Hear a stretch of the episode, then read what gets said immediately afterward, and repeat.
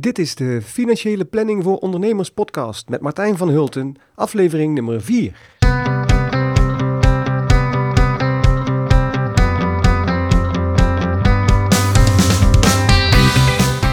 Ben je al jarenlang ondernemer? Net gestart? Of heb je plannen om voor jezelf te beginnen? In deze podcast krijg je informatie over alle mogelijke zaken waar je als ondernemer tegenaan loopt. Ik ben Martijn van Hulten, financieel planner en belastingadviseur en zelf al ruim 13 jaar ondernemer.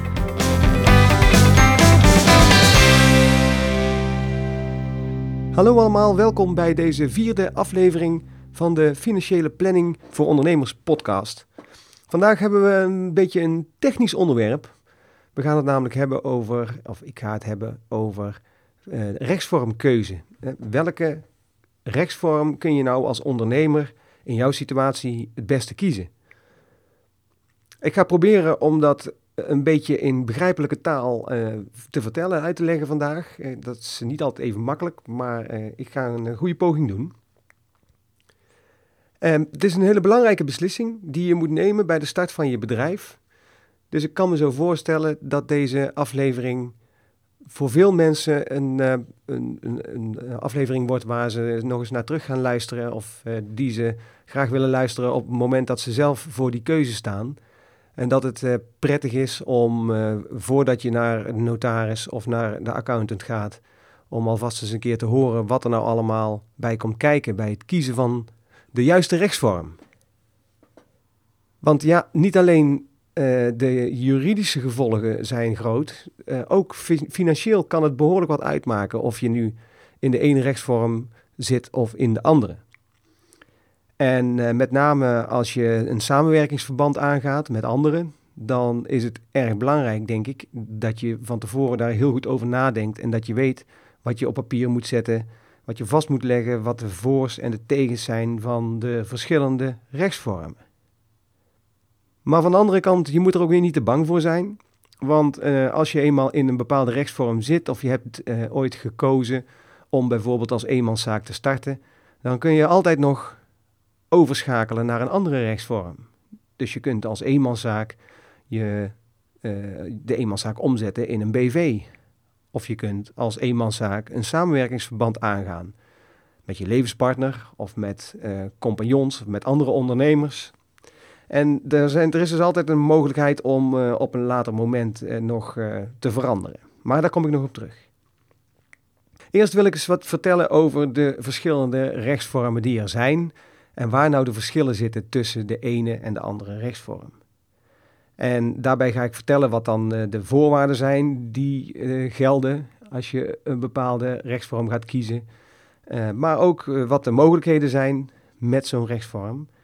En um, nou ja, in eerste instantie ga ik het daar uh, hebben over van ja, waar ga je nou, uh, waar moet je op letten als je alleen een onderneming start?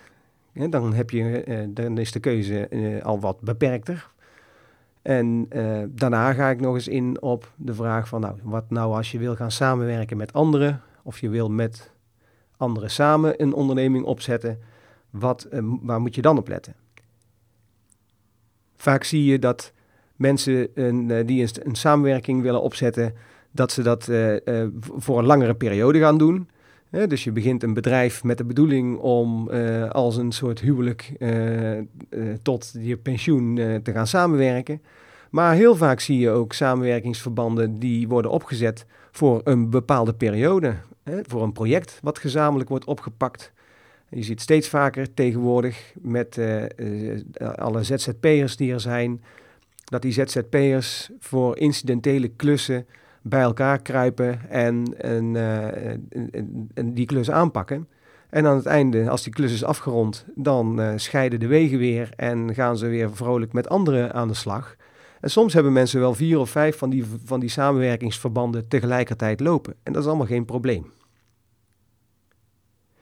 Maar nu eerst naar uh, de, het hoofdonderwerp. Welke rechtsvormen kennen we nu eigenlijk in Nederland? Nou, je zult ongetwijfeld wel eens gehoord hebben van de, uh, de eenmanszaak, een vennootschap onder firma, een maatschap, een commanditaire vennootschap en natuurlijk ook een BV of een NV. Nou, daar gaan we even allemaal, uh, daar ga ik allemaal op in. op het een wat dieper dan op het ander, maar uh, we gaan er in ieder geval over hebben. De andere rechtsvormen die er nog zijn, zijn bijvoorbeeld de stichting uh, of de vereniging of een coöperatieve vereniging of een coöperatie. Nou, dat zijn uh, ook rechtsvormen waarmee je een onderneming zou kunnen drijven, maar uh, het gaat op dit moment nog even te ver om daar dan verder op in te gaan. Dus dat doe ik deze keer niet. Beginnen maar eens met de meest standaard vorm van de, ondernemings, van de standaard ondernemingsvorm namelijk de eenmanszaak. De eenmanszaak is, wat ik al zeg, de meest uh, standaard vorm, want een eenmanszaak die is heel erg eenvoudig op te zetten. Je hoeft daar namelijk eigenlijk niks voor te doen. Je hoeft alleen maar ondernemersactiviteiten te gaan ontplooien. En uh, nou ja, het enige wat je dan misschien nog moet doen, is dat je dat uh, in het handelsregister moet inschrijven bij de Kamer van Koophandel. Daar houden ze bij welke ondernemingen er in Nederland allemaal bezig zijn. Daar moet je je inschrijven als eenmanszaak en dan heb je een eenmanszaak. Je hoeft er dus niet voor naar de notaris, je hebt er geen uitgebreide vastleggingen voor nodig, uh, dat is allemaal redelijk eenvoudig. Als je dan bij de Kamer van Koophandel bent, dan vraagt de Kamer van Koophandel dus wel informatie over jou als persoon. Je zult je moeten legitimeren. Uh, en uh, ze zullen ook bij de inschrijving van een eenmanszaak meteen een formulier van de Belastingdienst aan je voorleggen. Want als je als ondernemer aan de slag gaat, dan wil de Belastingdienst natuurlijk ook weten of er nog wat te halen valt. En uh, je zult dus aan moeten geven in, in een formulier hoeveel omzet je verwacht en um, uh, uh, hoe, ook hoeveel opdrachtgevers dat je verwacht te hebben. En op basis daarvan bepaalt de Belastingdienst eigenlijk of ze die activiteit die jij gaat starten, of ze die ook als een onderneming gaan uh, aanmerken en als onderneming gaan belasten, of dat ze het als een freelance activiteit zien. Nou, daar zit dan vaak, daar zit de, de, het lastige vaak, hè, het onderscheid tussen wanneer is iets nou freelance werkzaamheden en wanneer is het winst uit onderneming. En uh, wat je dan vaak ook nog ziet, is dat er ook nog een hele dunne scheidslijn zit tussen de, uh, de onderneming en bijvoorbeeld een dienstbetrekking. Het grote voordeel van de uh, onderneming, van een onderneming fiscaal gezien, is het grote voordeel van een onderneming dat je in aanmerking komt voor allerlei faciliteiten. Allereerst de MKB winstvrijstelling. Dat is een een vrijstelling die uh, voor iedere ondernemer geldt. Dus als je winst uit onderneming hebt volgens de Belastingdienst, dan uh, is voor jou de MKB-winstvrijstelling van toepassing. Die vrijstelling bedraagt op dit moment uh, 14 procent. dus als je in 2015 luistert naar, dit, naar deze aflevering, dan geldt dus nu 14 procent aftrek. Maar dat percentage is in het verleden lager geweest en het is natuurlijk maar de vraag of dat altijd hetzelfde zal blijven. Daarnaast, naast de MKB-winstvrijstelling, eh, kom je als ondernemer wellicht ook in aanmerking voor de zelfstandige aftrek en de startersaftrek. En eh, ja, daarvoor geldt dan wel nog een extra voorwaarde, want daarvoor moet je wel minimaal 1225 uur in je onderneming werken. Als je dus een onderneming hebt die, uh, die je uh, hebt naast je uh, gewone werk, naast je dienstbetrekking, dan kan het wel eens lastig zijn om aan die 1225 uur te komen. Bovendien, als je dat naast een dienstbetrekking doet, dan moet je ook nog eens een keer meer dan de helft van je voor arbeid beschikbare tijd aan deze onderneming besteden om, voor de, om, om aan het urencriterium te voldoen. En als je aan het urencriterium voldoet, dan kom je in aanmerking voor een aantal uh, van die extra faciliteiten. Wanneer ben je nou ondernemer? Dat is dan wel misschien belangrijk om eerst even te bespreken. Je bent ondernemer volgens de Belastingdienst als je eh, deelnaam, deelneemt aan het economisch verkeer. Dus dat betekent dat je bijvoorbeeld uh, naar buiten toe moet treden als ondernemer. Dat je moet laten weten dat je er bent, bijvoorbeeld door advertenties of door ehm, eh, eh, op een andere manier eh, te laten weten wat je doet en dat mensen daar gebruik van kunnen maken. Daarnaast moet je winst beogen. Nou, dat zal heel vaak niet het probleem zijn bij een ondernemer, want dat is toch uiteindelijk wel de, de bedoeling. Maar die winst moet ook redelijkerwijs te behalen zijn. Dus als je een activiteit hebt, als je een hobby hebt waar je wat uh, geld mee wilt gaan verdienen, dan uh, kan het best zo zijn dat de fiscus zegt, nou de kosten die je moet maken om die hobby te kunnen uitoefenen, die zijn zodanig dat het niet voor de hand ligt dat je meer inkomsten gaat krijgen dan dat er aan kosten zijn. Nou, en als, die, als er dus op lange termijn geen, niet de verwachting is dat daar winst uit gaat komen, dan is er ook geen sprake van uh, winst uit onderneming. Om als ondernemer uh, aangemerkt te worden, moet je dan dus uh, deelnemen aan het economisch verkeer. En je moet, dat is ook belangrijk, meerdere opdrachtgevers hebben. Nou, dat is als je bijvoorbeeld een, een, winkeltje opent niet zo heel erg moeilijk, want iedere klant die binnenkomt is een aparte opdrachtgever of een, ja, een aparte klant. Uh, maar als je nou bijvoorbeeld als uh, management consultant of als interim manager werkzaam bent, dan kan het wel eens lastig zijn om meerdere ondernemers, meerdere opdrachtgevers tegelijk te hebben. En dan geldt dat, ehm, daar zijn dan weer aparte uitzonderingen voor, dat als je maar in een bepaalde periode een aantal van die opdrachtgevers hebt, dat dat uh, dan toch als een, een, onderneming wordt aangemerkt. Maar je moet wel uitkijken, want als je een opdrachtgever hebt waar je uh, meerdere dagen per week bijvoorbeeld uh, voor werkt, dan ligt toch op de loer dat de Belastingdienst vindt dat er geen sprake is van een onderneming, maar van een dienstbetrekking. En waar ze dan met name naar kijken is of er sprake is van een gezagsverhouding. Dus als jouw opdrachtgever jou kan vertellen hoe en wanneer en op welke manier je dingen moet doen, dan uh, is het, uh, wordt heel snel uh, gezegd dat er sprake is van een gezagsverhouding. En dan vindt de Belastingdienst dat het een dienstbetrekking is in plaats van een onderneming. Als je nou wil weten of de Belastingdienst jou als ondernemer aanmerkt, dan kun je op dit moment nog een zogenaamde VAR aanvragen. Een VAR is een verklaring arbeidsrelatie. En eh, in die verklaring, daar geeft de Belastingdienst aan wat zij vinden op basis van een formulier wat je invult, wat zij vinden dat, jou, uh, uh, dat jij bent.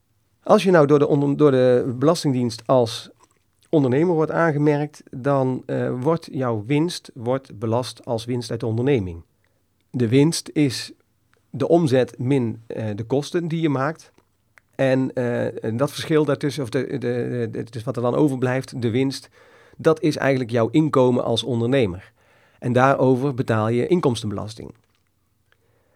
Er is dus geen sprake van salaris of zo als je ondernemer bent. Als je ondernemer bent, dan uh, heb je uh, winst en die winst wordt belast. En als daar belasting over betaald is, dan staat het bedrag wat dan overblijft gewoon aan jou als privépersoon eh, ter beschikking. En uh, daar kun je dus uh, weer mee investeren. Of je kunt daarvan leven.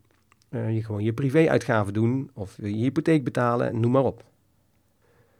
De berekening van de inkomstenbelasting is wel bijzonder. Want voordat er belasting wordt berekend, worden dus eerst een aantal faciliteiten op in mindering gebracht.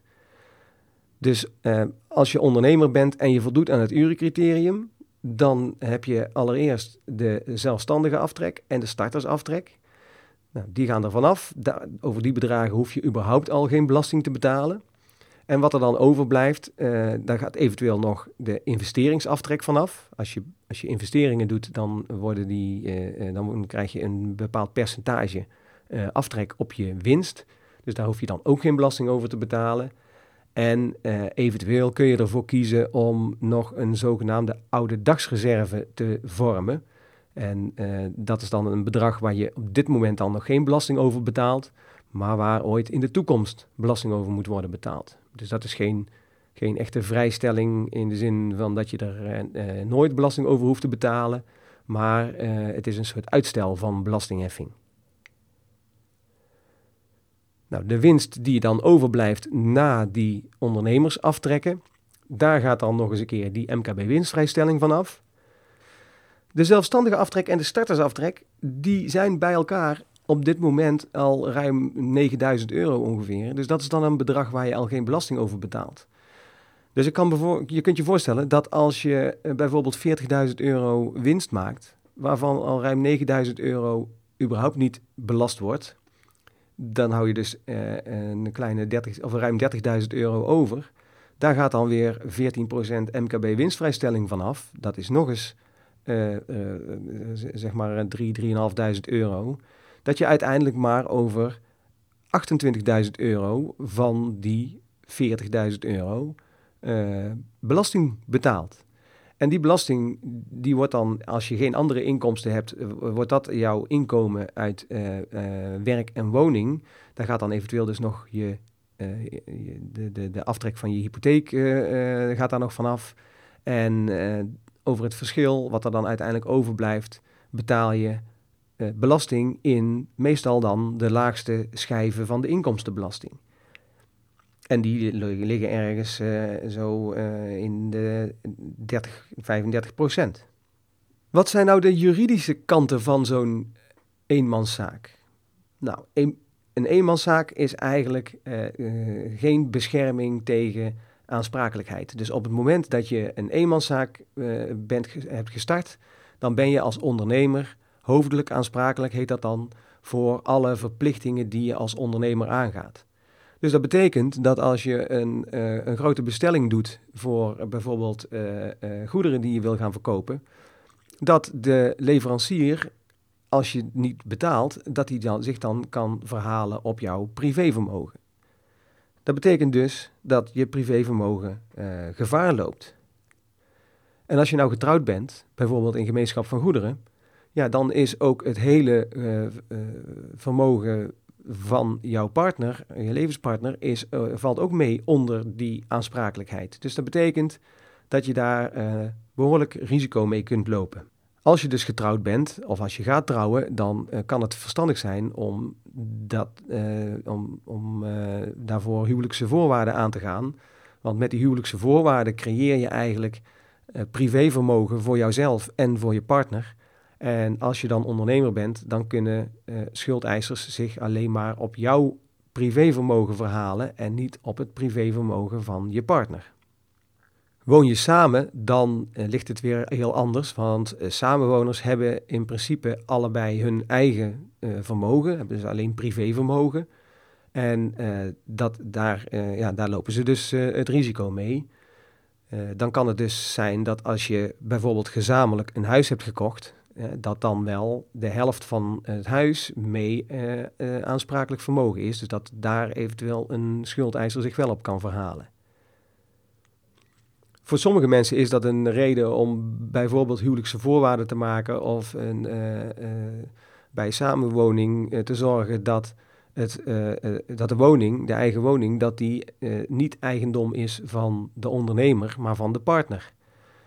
Nou, dat werkt in principe goed. Hè. Dan uh, kan een schuldeiser zich daar niet op verhalen. Maar je moet natuurlijk wel in de gaten houden dat uh, als zo'n relatie dan stuk loopt, uh, dat je dan ook een deel van het vermogen al bij de andere, bij de partner hebt zitten. En nou, dat geeft dan vaak op die manier wel weer problemen. Een andere veel voorkomende rechtsvorm is de BV. Nou, de BV, eh, BV staat eigenlijk voor, is een afkorting en staat voor besloten vennootschap met beperkte aansprakelijkheid. Zo staat dat dan in de wet. En dat betekent dat, je, uh, uh, dat de BV een zogenaamde rechtspersoon is. Je moet, eigenlijk, je moet je eigenlijk voorstellen dat de, de BV een, een persoon is die jij als, als ondernemer in het leven kunt roepen. En uh, dat in het leven roepen, dat doe je door bij een notaris een zogenaamde oprichtingsakte te laten opstellen. In zo'n oprichtingsakte daar staat beschreven aan welke voorwaarden dat, deze, dat zo'n BV eh, moet voldoen of voldoet. En ja, dat is heel belangrijk dat je daar goed over nadenkt van tevoren. Welke voorwaarden je in die statuten van die BV opneemt. Het oprichten van zo'n BV moet dus via een notaris en dat betekent dus dat het wel extra kosten met zich meebrengt. En daarnaast moet de BV, want de BV wordt dan zeg maar de ondernemer, uh, moet de BV de onderneming inschrijven in de Kamer van Koophandel. Bij een BV heb je aandelen. En uh, die aandelen, uh, normaal gesproken zeg maar, en, uh, als je een standaard BV hebt, dan is, is een aandeel, één aandeel geeft recht op één deeltje in de winst en geeft ook één stemrecht. Dus dat betekent dat als je uh, 100 aandelen uitgeeft, uh, dan, uh, en, en die aandelen zijn allemaal van jou als ondernemer, dan heb jij gewoon 100% van de, uh, van de zeggenschap. En je hebt recht op 100% van de, de waarde van de onderneming. En dus ook de dividenden en zo die eruit gaan komen. Tegenwoordig hebben we een, uh, uh, de Flex BV, zoals dat dan heet. Hè, dus dat is eigenlijk elke BV die nu opgericht wordt, is een, uh, is een Flex BV. Want de, in de statuten ben je relatief vrij, dus kun je heel flexibel bepalen hoe je binnen die onderneming met de winsten omgaat en met de zeggenschap. Je kunt dus uh, uh, aparte aandelen maken die alleen maar recht geven op uh, de winst of alleen maar recht geven op een deel van de winst. En je kunt ook aandelen maken die alleen maar stemrecht hebben, bijvoorbeeld. en ja, je bent dus eigenlijk helemaal vrij om dat zelf te bepalen. Maar in de meeste gevallen heb je gewoon een standaard bepaling. En die standaard, standaard bepaling die houdt in dat als jij 50% van de aandelen hebt, dat je dan recht hebt op 50% van de winst en van de waarde van de onderneming. En dat je 50% van het stemrecht hebt in de onderneming, dus 50% van de zeggenschap. Op het moment dat je zo'n BV opricht, dan word jij de bestuurder van die BV. En als jij als ondernemer de uh, bestuurder bent uh, van die BV, dan uh, kom je daarmee in loondienst bij de BV. Je wordt eigenlijk gewoon werknemer. En je moet dan ook eigenlijk zo'n BV gewoon vergelijken met een, een, uh, een, een, werkgever zoals je die uh, uh, misschien nu ook al hebt, of zoals anderen die in ieder geval hebben. En volgens de statuten wordt de, worden de, de arbeidsvoorwaarden van de bestuurder in de meeste gevallen vastgesteld door de aandeelhoudersvergadering. De aandeelhoudersvergadering is dus een vergadering van alle personen uh, die uh, aandelen hebben in die BV. En dat kunnen dus natuurlijke personen zijn, jij als, uh, als mens, maar het kan ook een rechtspersoon zijn. Dus een BV kan ook aandeelhouder zijn in, in een andere BV. Nou, dan zie je vaak en dat op die manier er sprake is van zogenaamde holdingconstructies. Mensen hebben dan vaak niet één BV, maar hebben, uh, richten een holding op. En die holding, die, uh, daar gaan ze in loondienst. En die holding, die richt weer een werkmaatschappij op. En in die werkmaatschappij komt uiteindelijk de onderneming terecht. Nou, zul je denken, wat is, dat nou een, wat is daar nou het voordeel van?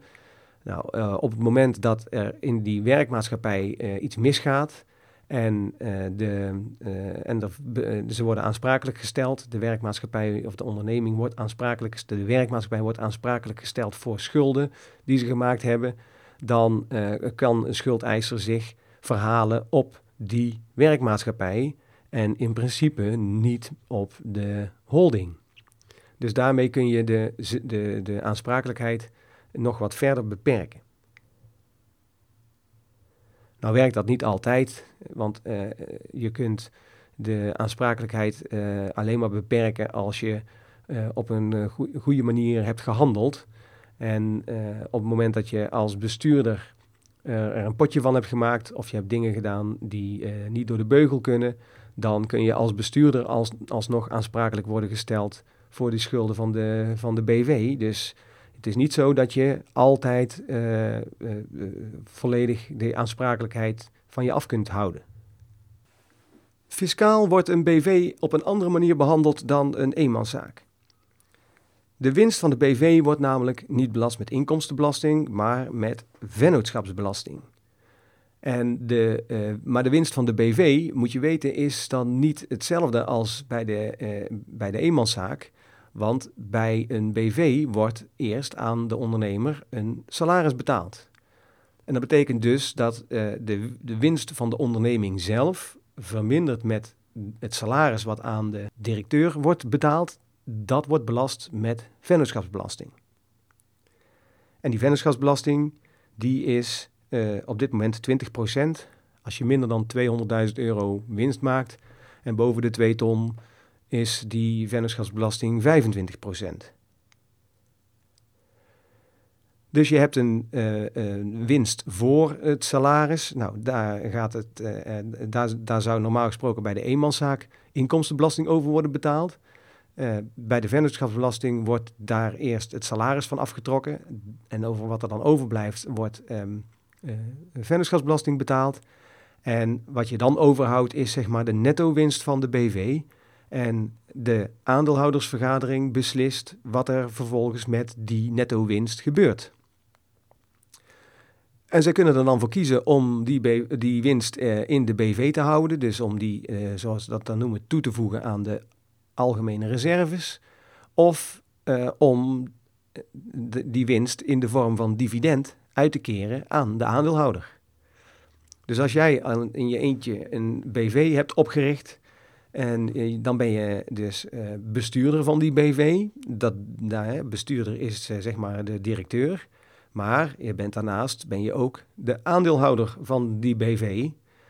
En je krijgt dus als bestuurder krijg je salaris. En als aandeelhouder krijg je eventueel dividend. Net als wanneer je aandelen ASML zou hebben. Nou, bij zo'n dividenduitkering uh, moet je dan wel weer even opletten, want je kunt niet zomaar uh, de, de winst die overblijft uitkeren. Dat kan namelijk alleen maar als je daarmee de BV niet in de problemen brengt. dus als je dividend uit zou keren in de wetenschap dat je nog een, een, paar grote verplichtingen eraan hebt, dat er een paar grote verplichtingen aan zitten te komen, dan um, mag, je, mag je geen dividend uitkeren. En doe je dat dan toch, dan word je als bestuurder aansprakelijk voor, voor dat dividend. Nou, dat zijn eigenlijk de belangrijkste, de twee belangrijkste vormen van rechtsvormen dus de eenmanszaak aan de ene kant en de BV aan de andere kant. Alle andere rechtsvormen zijn eigenlijk min of meer een afgeleide van deze twee, twee deze twee vormen. Uh, je kunt een, de NV kun je ook oprichten. Dat, is, dat werkt ongeveer hetzelfde als een BV, alleen is dat eigenlijk meer gericht op de wat grotere ondernemingen. Je moet dan je moet wat meer kapitaal storten, of je moet veel meer kapitaal storten, want als je een BV opricht, dan hoef je feitelijk maar 1 euro te storten als, aan kapitaal en dan kun je een BV oprichten. In het verleden was dat 18.000 euro, dus dat is sinds kort is dat behoorlijk afgenomen. Voor een NV gelden die minimale stortingsverplichtingen nog steeds en moet je dus een, een groot bedrag betalen, ik meen 45.000 euro op dit moment, om, een, om een NV op te richten. De, vormen, de andere rechtsvormen die ik daar straks noemde, dus de, de vennootschap onder firma en de maatschap en de commanditaire vennootschap, dat zijn weer rechtsvormen die met name gebruikt worden voor samenwerkingsverbanden. En daar ga ik zo dadelijk wat meer over vertellen. Nou, waar zit nou fiscaal het, het grote verschil? Ik heb het er straks al, al eventjes uitgelegd. Hè. Maar een on onderneming bijvoorbeeld uh, die 40.000 euro winst maakt. Ja, daar wordt dus in de, in de inkomstenbelasting, had ik dat daar straks uitgerekend, even globaal, over 28.000 euro belasting berekend. Nou, dat gaat dan tegen de laagste tarieven in, in de eerste schijven. Op het moment dat je een BV hebt met 40.000 euro winst, dan moet daar eerst nog een beloning voor de werknemer, de directeur, vanaf. En ja, als dat salaris 40.000 euro moet zijn, omdat die ondernemer dat nou eenmaal nodig heeft om van te leven, dan hou je dus uiteindelijk nul winst over in de BV. En heb je eigenlijk helemaal geen voordeel van die BV. Want het salaris van die werknemer, die 40.000 euro, die wordt bij hem gewoon belast in privé als bij iedere andere werknemer. Heeft dus geen ondernemersfaciliteiten en moet dus over 40.000 euro belasting betalen in plaats van uh, de 28.000 euro die hij zou moeten betalen, of waarover hij zou moeten betalen als hij het als een, als een eenmanszaak had gedaan. Nou, naarmate dus de winst hoger wordt, uh, blijft er dus blijft er meer winst onderaan de streep over voor de BV. En hoe meer, dat, hoe meer winst je maakt, hoe voordeliger dan een BV weer wordt. En natuurlijk kun je dan dus ergens uitrekenen waar het omslag, omslagpunt ligt tussen die twee. En in het algemeen op dit moment gaan wij ervan uit dat het omslagpunt, wanneer de, dus wanneer de BV interessanter wordt, dat dat ergens tussen de 100.000 en de 150.000 euro is aan winst die je moet hebben met je onderneming voordat je het salaris eraf hebt getrokken. Uh, uh, ja, dus dat moet je dan in ieder geval aan winst hebben om als BV voordeliger uit te zijn. En dat hangt dan ook met name af, waar zit dan het verschil tussen die 100 en die 150.000 euro? Nou, dat hangt met name af van bijvoorbeeld hoeveel hypotheekrente je nog hebt die aftrekbaar is, hoe hoog het salaris is wat je nodig hebt, wat je uit die BV wilt halen. Er zijn ook weer bepaalde normen aan, want je, je moet minimaal een bepaald salaris uit die BV halen. Maar dat gaat nu te ver om daar, om daar in op in te gaan. Maar eh, ergens tussen de 100 en 150.000 euro ligt dus eh, dat, dat omslagpunt. Nou, dan nog even kort iets over die samenwerkingsverbanden. Als je een, eh, een vennootschap onder firma of een, een maatschap aangaat, dan heb je dus verschillende ondernemers die met elkaar afspraken maken over op welke manier ze die onderneming gaan uitoefenen. En die afspraken die worden vastgelegd in een overeenkomst. En je mag in principe, mag je zelf zo'n on, zo'n overeenkomst opstellen. Daar zijn geen regels aan, dat hoeft niet per se via een notaris. Hè. Dat mag je, in principe mag je dat zelf doen. Maar je moet wel uitkijken, want uh, ja, het is eigenlijk hetzelfde als bij een huwelijk. En misschien nog wel met grotere risico's. Want als je dingen vastlegt die achteraf niet handig blijken te zijn, ja, dan kan dat natuurlijk behoorlijke financiële gevolgen hebben. Dus het, ja, het is wel te adviseren om bijvoorbeeld een notaris of een, een, een, een ondernemingsrecht jurist uh, mee te laten kijken naar de regels of de bepalingen die je opstelt voor zo'n samenwerkingsverband. Zo'n samenwerkingsverband kan dan zijn tussen natuurlijke personen, dus tussen mensen die als ZZP'er bijvoorbeeld werken. en dan dus als natuurlijke persoon gaan participeren in zo'n vennootschap onder firma. Uh, nou, dan worden zij eigenlijk hetzelfde behandeld als iemand die een eenmanszaak heeft. Het enige is dat de winst niet de winst is van die hele onderneming, maar dat dat een gedeelte is van de winst van die onderneming. En welk gedeelte, dat wordt dus bepaald uh, in die uh, VOF-overeenkomst. Maar je kunt ook BV's hebben die participeren in zo'n vennootschap onder firma. Met name bij grote projecten zie je dat, grote wegenbouwprojecten bijvoorbeeld, zie je dat verschillende wegenbouwers allemaal BV'tjes oprichten en die BV's samen in een vennootschap onder firma laten participeren. En dan is het zo dus dat, je niet, dat de winst niet wordt belast met inkomstenbelasting zoals bij een eenmanszaak, maar dat het, de, het, aandeel in de winst wat die betreffende BV's krijgen, dat dat wordt belast met vennootschapsbelasting. Nou, dan zal je dus ook uh, begrijpen dat je zo'n vennootschap onder firma, dat je die kunt aangaan voor een, een tijdelijk project, zoals zo'n uh, wegenbouwproject.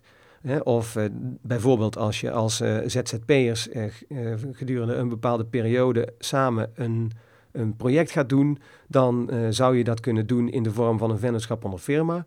En zoals het project is afgerond, dan wordt de winst verdeeld en dan wordt die vennootschap onder firma weer opgeheven. Op zich kan dat allemaal redelijk eenvoudig, want zoals ik al zei, zijn er verder geen formele vereisten aan hoe zo'n VOF in het leven wordt geroepen. De winst van de VOF die wordt dus belast bij de participanten. En de verdeling die wordt in de, in de, de VOF-akte vastgesteld. Nou ja, en daarnaast moet je in de VOF-akte ook dingen afspreken als van welke bevoegdheden hebben de verschillende participanten. tot welke bedragen mag je investeringen doen namens die vennootschap onder firma? Of en, um, en, en waar mag je over beslissen? Wie, wie beslist er over het aannemen van personeel? Wie beslist er over het aangaan van een huurcontract of ja, nou, noem maar op. En al dat soort afspraken die uh, kun je allemaal vastleggen in die uh, VOF-akte en die kun je ook vastleggen in de Kamer van Koophandel.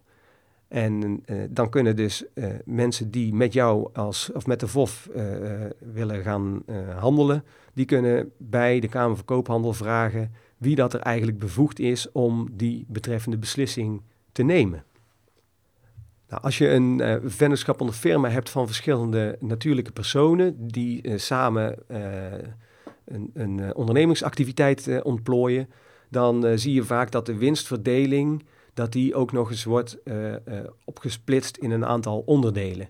En dat je dus eerst een gedeelte krijgt bijvoorbeeld voor de arbeid die je verricht. soms is bijvoorbeeld de ene ondernemer fulltime met die activiteit bezig.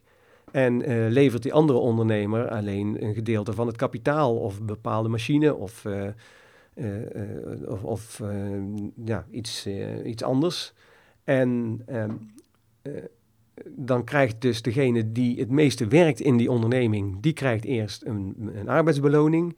En degene die de machine ter beschikking stelt, die krijgt een vergoeding voor het kapitaal wat hij in die VOF heeft gestoken. Nou, en als er dan na die twee uh, componenten nog uh, winst overblijft, dan wordt die, win die overwinst die wordt dan volgens bepaalde percentages verdeeld. Bijvoorbeeld 50-50 of 60-40 of 70-30, nou, noem maar op. En dat soort afspraken die staan dus ook in die VOF-akte. En afhankelijk van die verdeling wordt dan de winst bepaald. Nou, en dan maakt het dus niet uit of je in, uh, of je in die winst uh, bijvoorbeeld arbeidsbeloning hebt zitten of een kapitaalvergoeding. Hoe dat je dat in de VOF-akte noemt, maakt niet uit. Het totaal van jouw winstaandeel wordt, als je een natuurlijk persoon bent, wordt dat belast in de inkomstenbelasting als winst uit onderneming. En als het een BV is die participeert, dan wordt die winst belast met vennootschapsbelasting.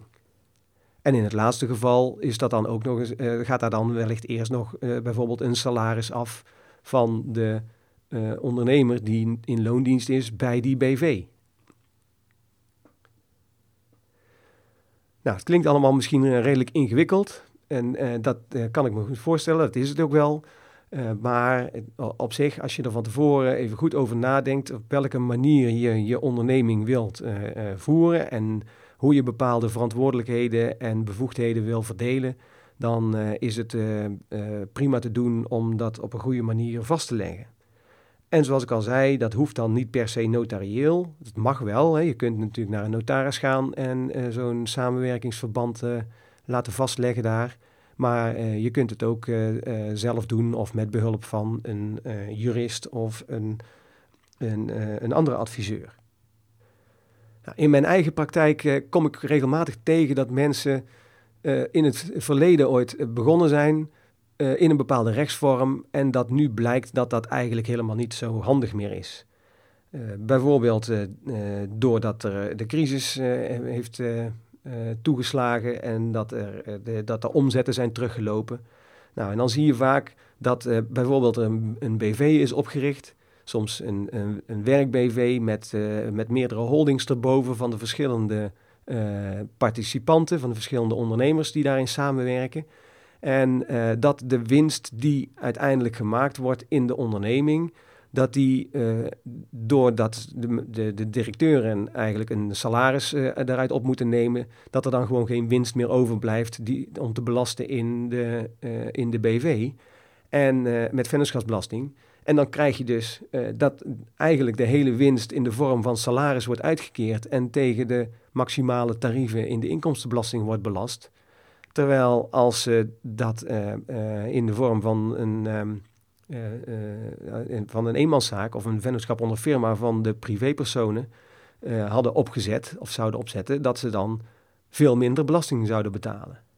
Nou, de verschillen kunnen echt oplopen tot duizenden euro's per jaar, die dat je dus minder belasting betaalt als je je BV omzet in een, in een eenmanszaak. Of als je je samenwerkingsverband met BV's eh, omzet in een vennootschap onder firma tussen de verschillende privépersonen.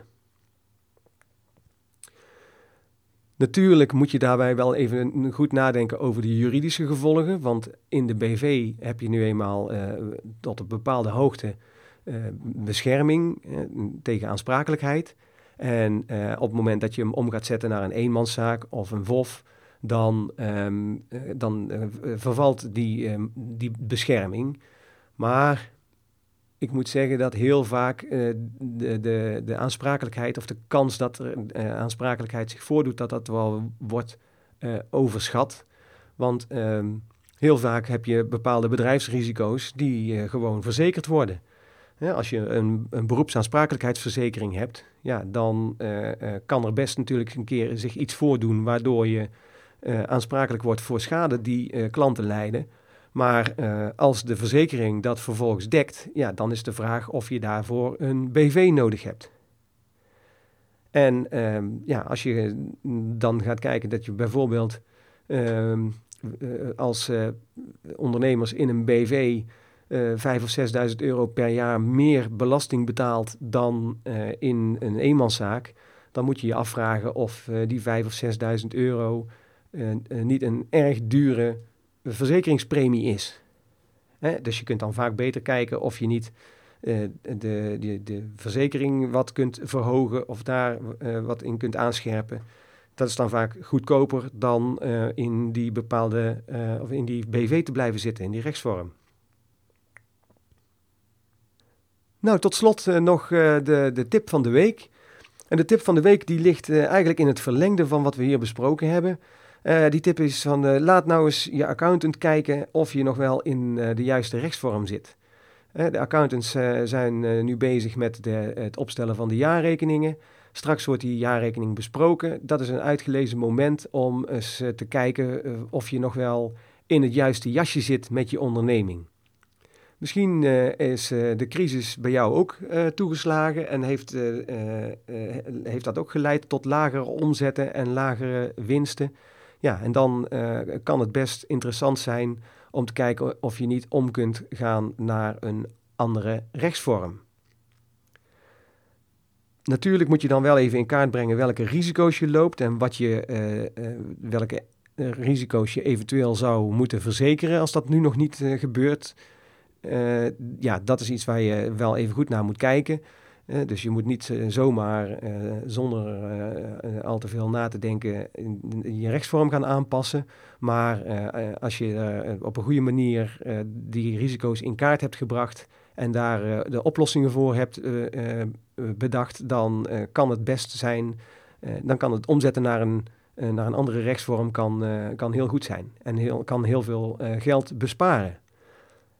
En dat geldt zowel voor uh, mensen die in de BV zitten en die misschien beter in de eenmanszaak zouden, uh, zouden kunnen gaan uh, opereren. Maar het kan ook zijn dat je nu nog een eenmanszaak of een VOF hebt en dat je zegt van nou, de risico's worden groter of mijn winst is juist enorm gestegen. Misschien is het wel interessant om een keer of om naar de BV-vorm over te gaan. Maar mocht je daar uh, interesse in hebben en uh, of mocht je daar met je accountant niet uitkomen, dan willen we je uiteraard graag uh, helpen bij het bekijken van, van dit vraagstuk. En bel ons dan, hè, bel van Vught en van Hulten belastingadviseurs op 073 503 0405. Uh, en maak een keer een afspraak. Dan kunnen we eens kijken of het interessant kan zijn om naar de BV-vorm over te gaan. Of juist terug te gaan van de BV naar de, naar de eenmanszaak. Nou, tot zover uh, deze aflevering van de Financiële Planning voor Ondernemers podcast. Zoals ik al zei in het begin van de, van, van de aflevering, nogal een technisch onderwerp. Misschien niet voor iedereen even interessant. Nou ja, dan ben je misschien afgehaakt. Maar als je nu nog steeds luistert, dan hoop ik dat je het in ieder geval waardevolle informatie vond. Ehm, als dat zo is, dan laat het alsjeblieft weten op de website www.vanvucht-vanhulten.nl V-A-N-V-U-G-T minteken van Hulten.nl. En uh, je kunt daar, uh, uh, vind je een tabblad met een tabblad podcasts. En als je daarin gaat kijken, dan kun je deze betreffende aflevering vinden. En kun je daar commentaar achterlaten. Als je het waardevol hebt gevonden, zou ik het ook heel fijn vinden als je dat bijvoorbeeld in iTunes, dat je daar een recensie in plaatst. Dat helpt mij namelijk om gevonden te worden in de, de, in de zoekmachines van iTunes. En uh, zo krijg ik misschien nog wat extra luisteraars. Um, ja, nou ja, dat is dan zo'n beetje wat ik wilde vertellen vandaag. Oh ja, overigens is er sinds, ben ik sinds deze week ook, is de podcast ook te vinden op Stitcher. Stitcher.com, dat is een, een website waar ook podcasts en radioberichten en zo op staan. Je kunt uh, Stitcher.com, uh, die heeft ook apps in Android uh, telefoons. Dus je kunt op die manier ook via je Android telefoon kun je nu de podcast gaan beluisteren. Ik hoop dat je met plezier geluisterd hebt deze keer. En uh, inmiddels is de muziek weer eh, een tijdje gestart. Ik neem graag afscheid van je voor deze keer, voor deze dag. En ik ben er volgende week weer met de volgende aflevering van de Financiële Planning voor Ondernemers podcast. Dankjewel voor het luisteren en graag tot de volgende keer.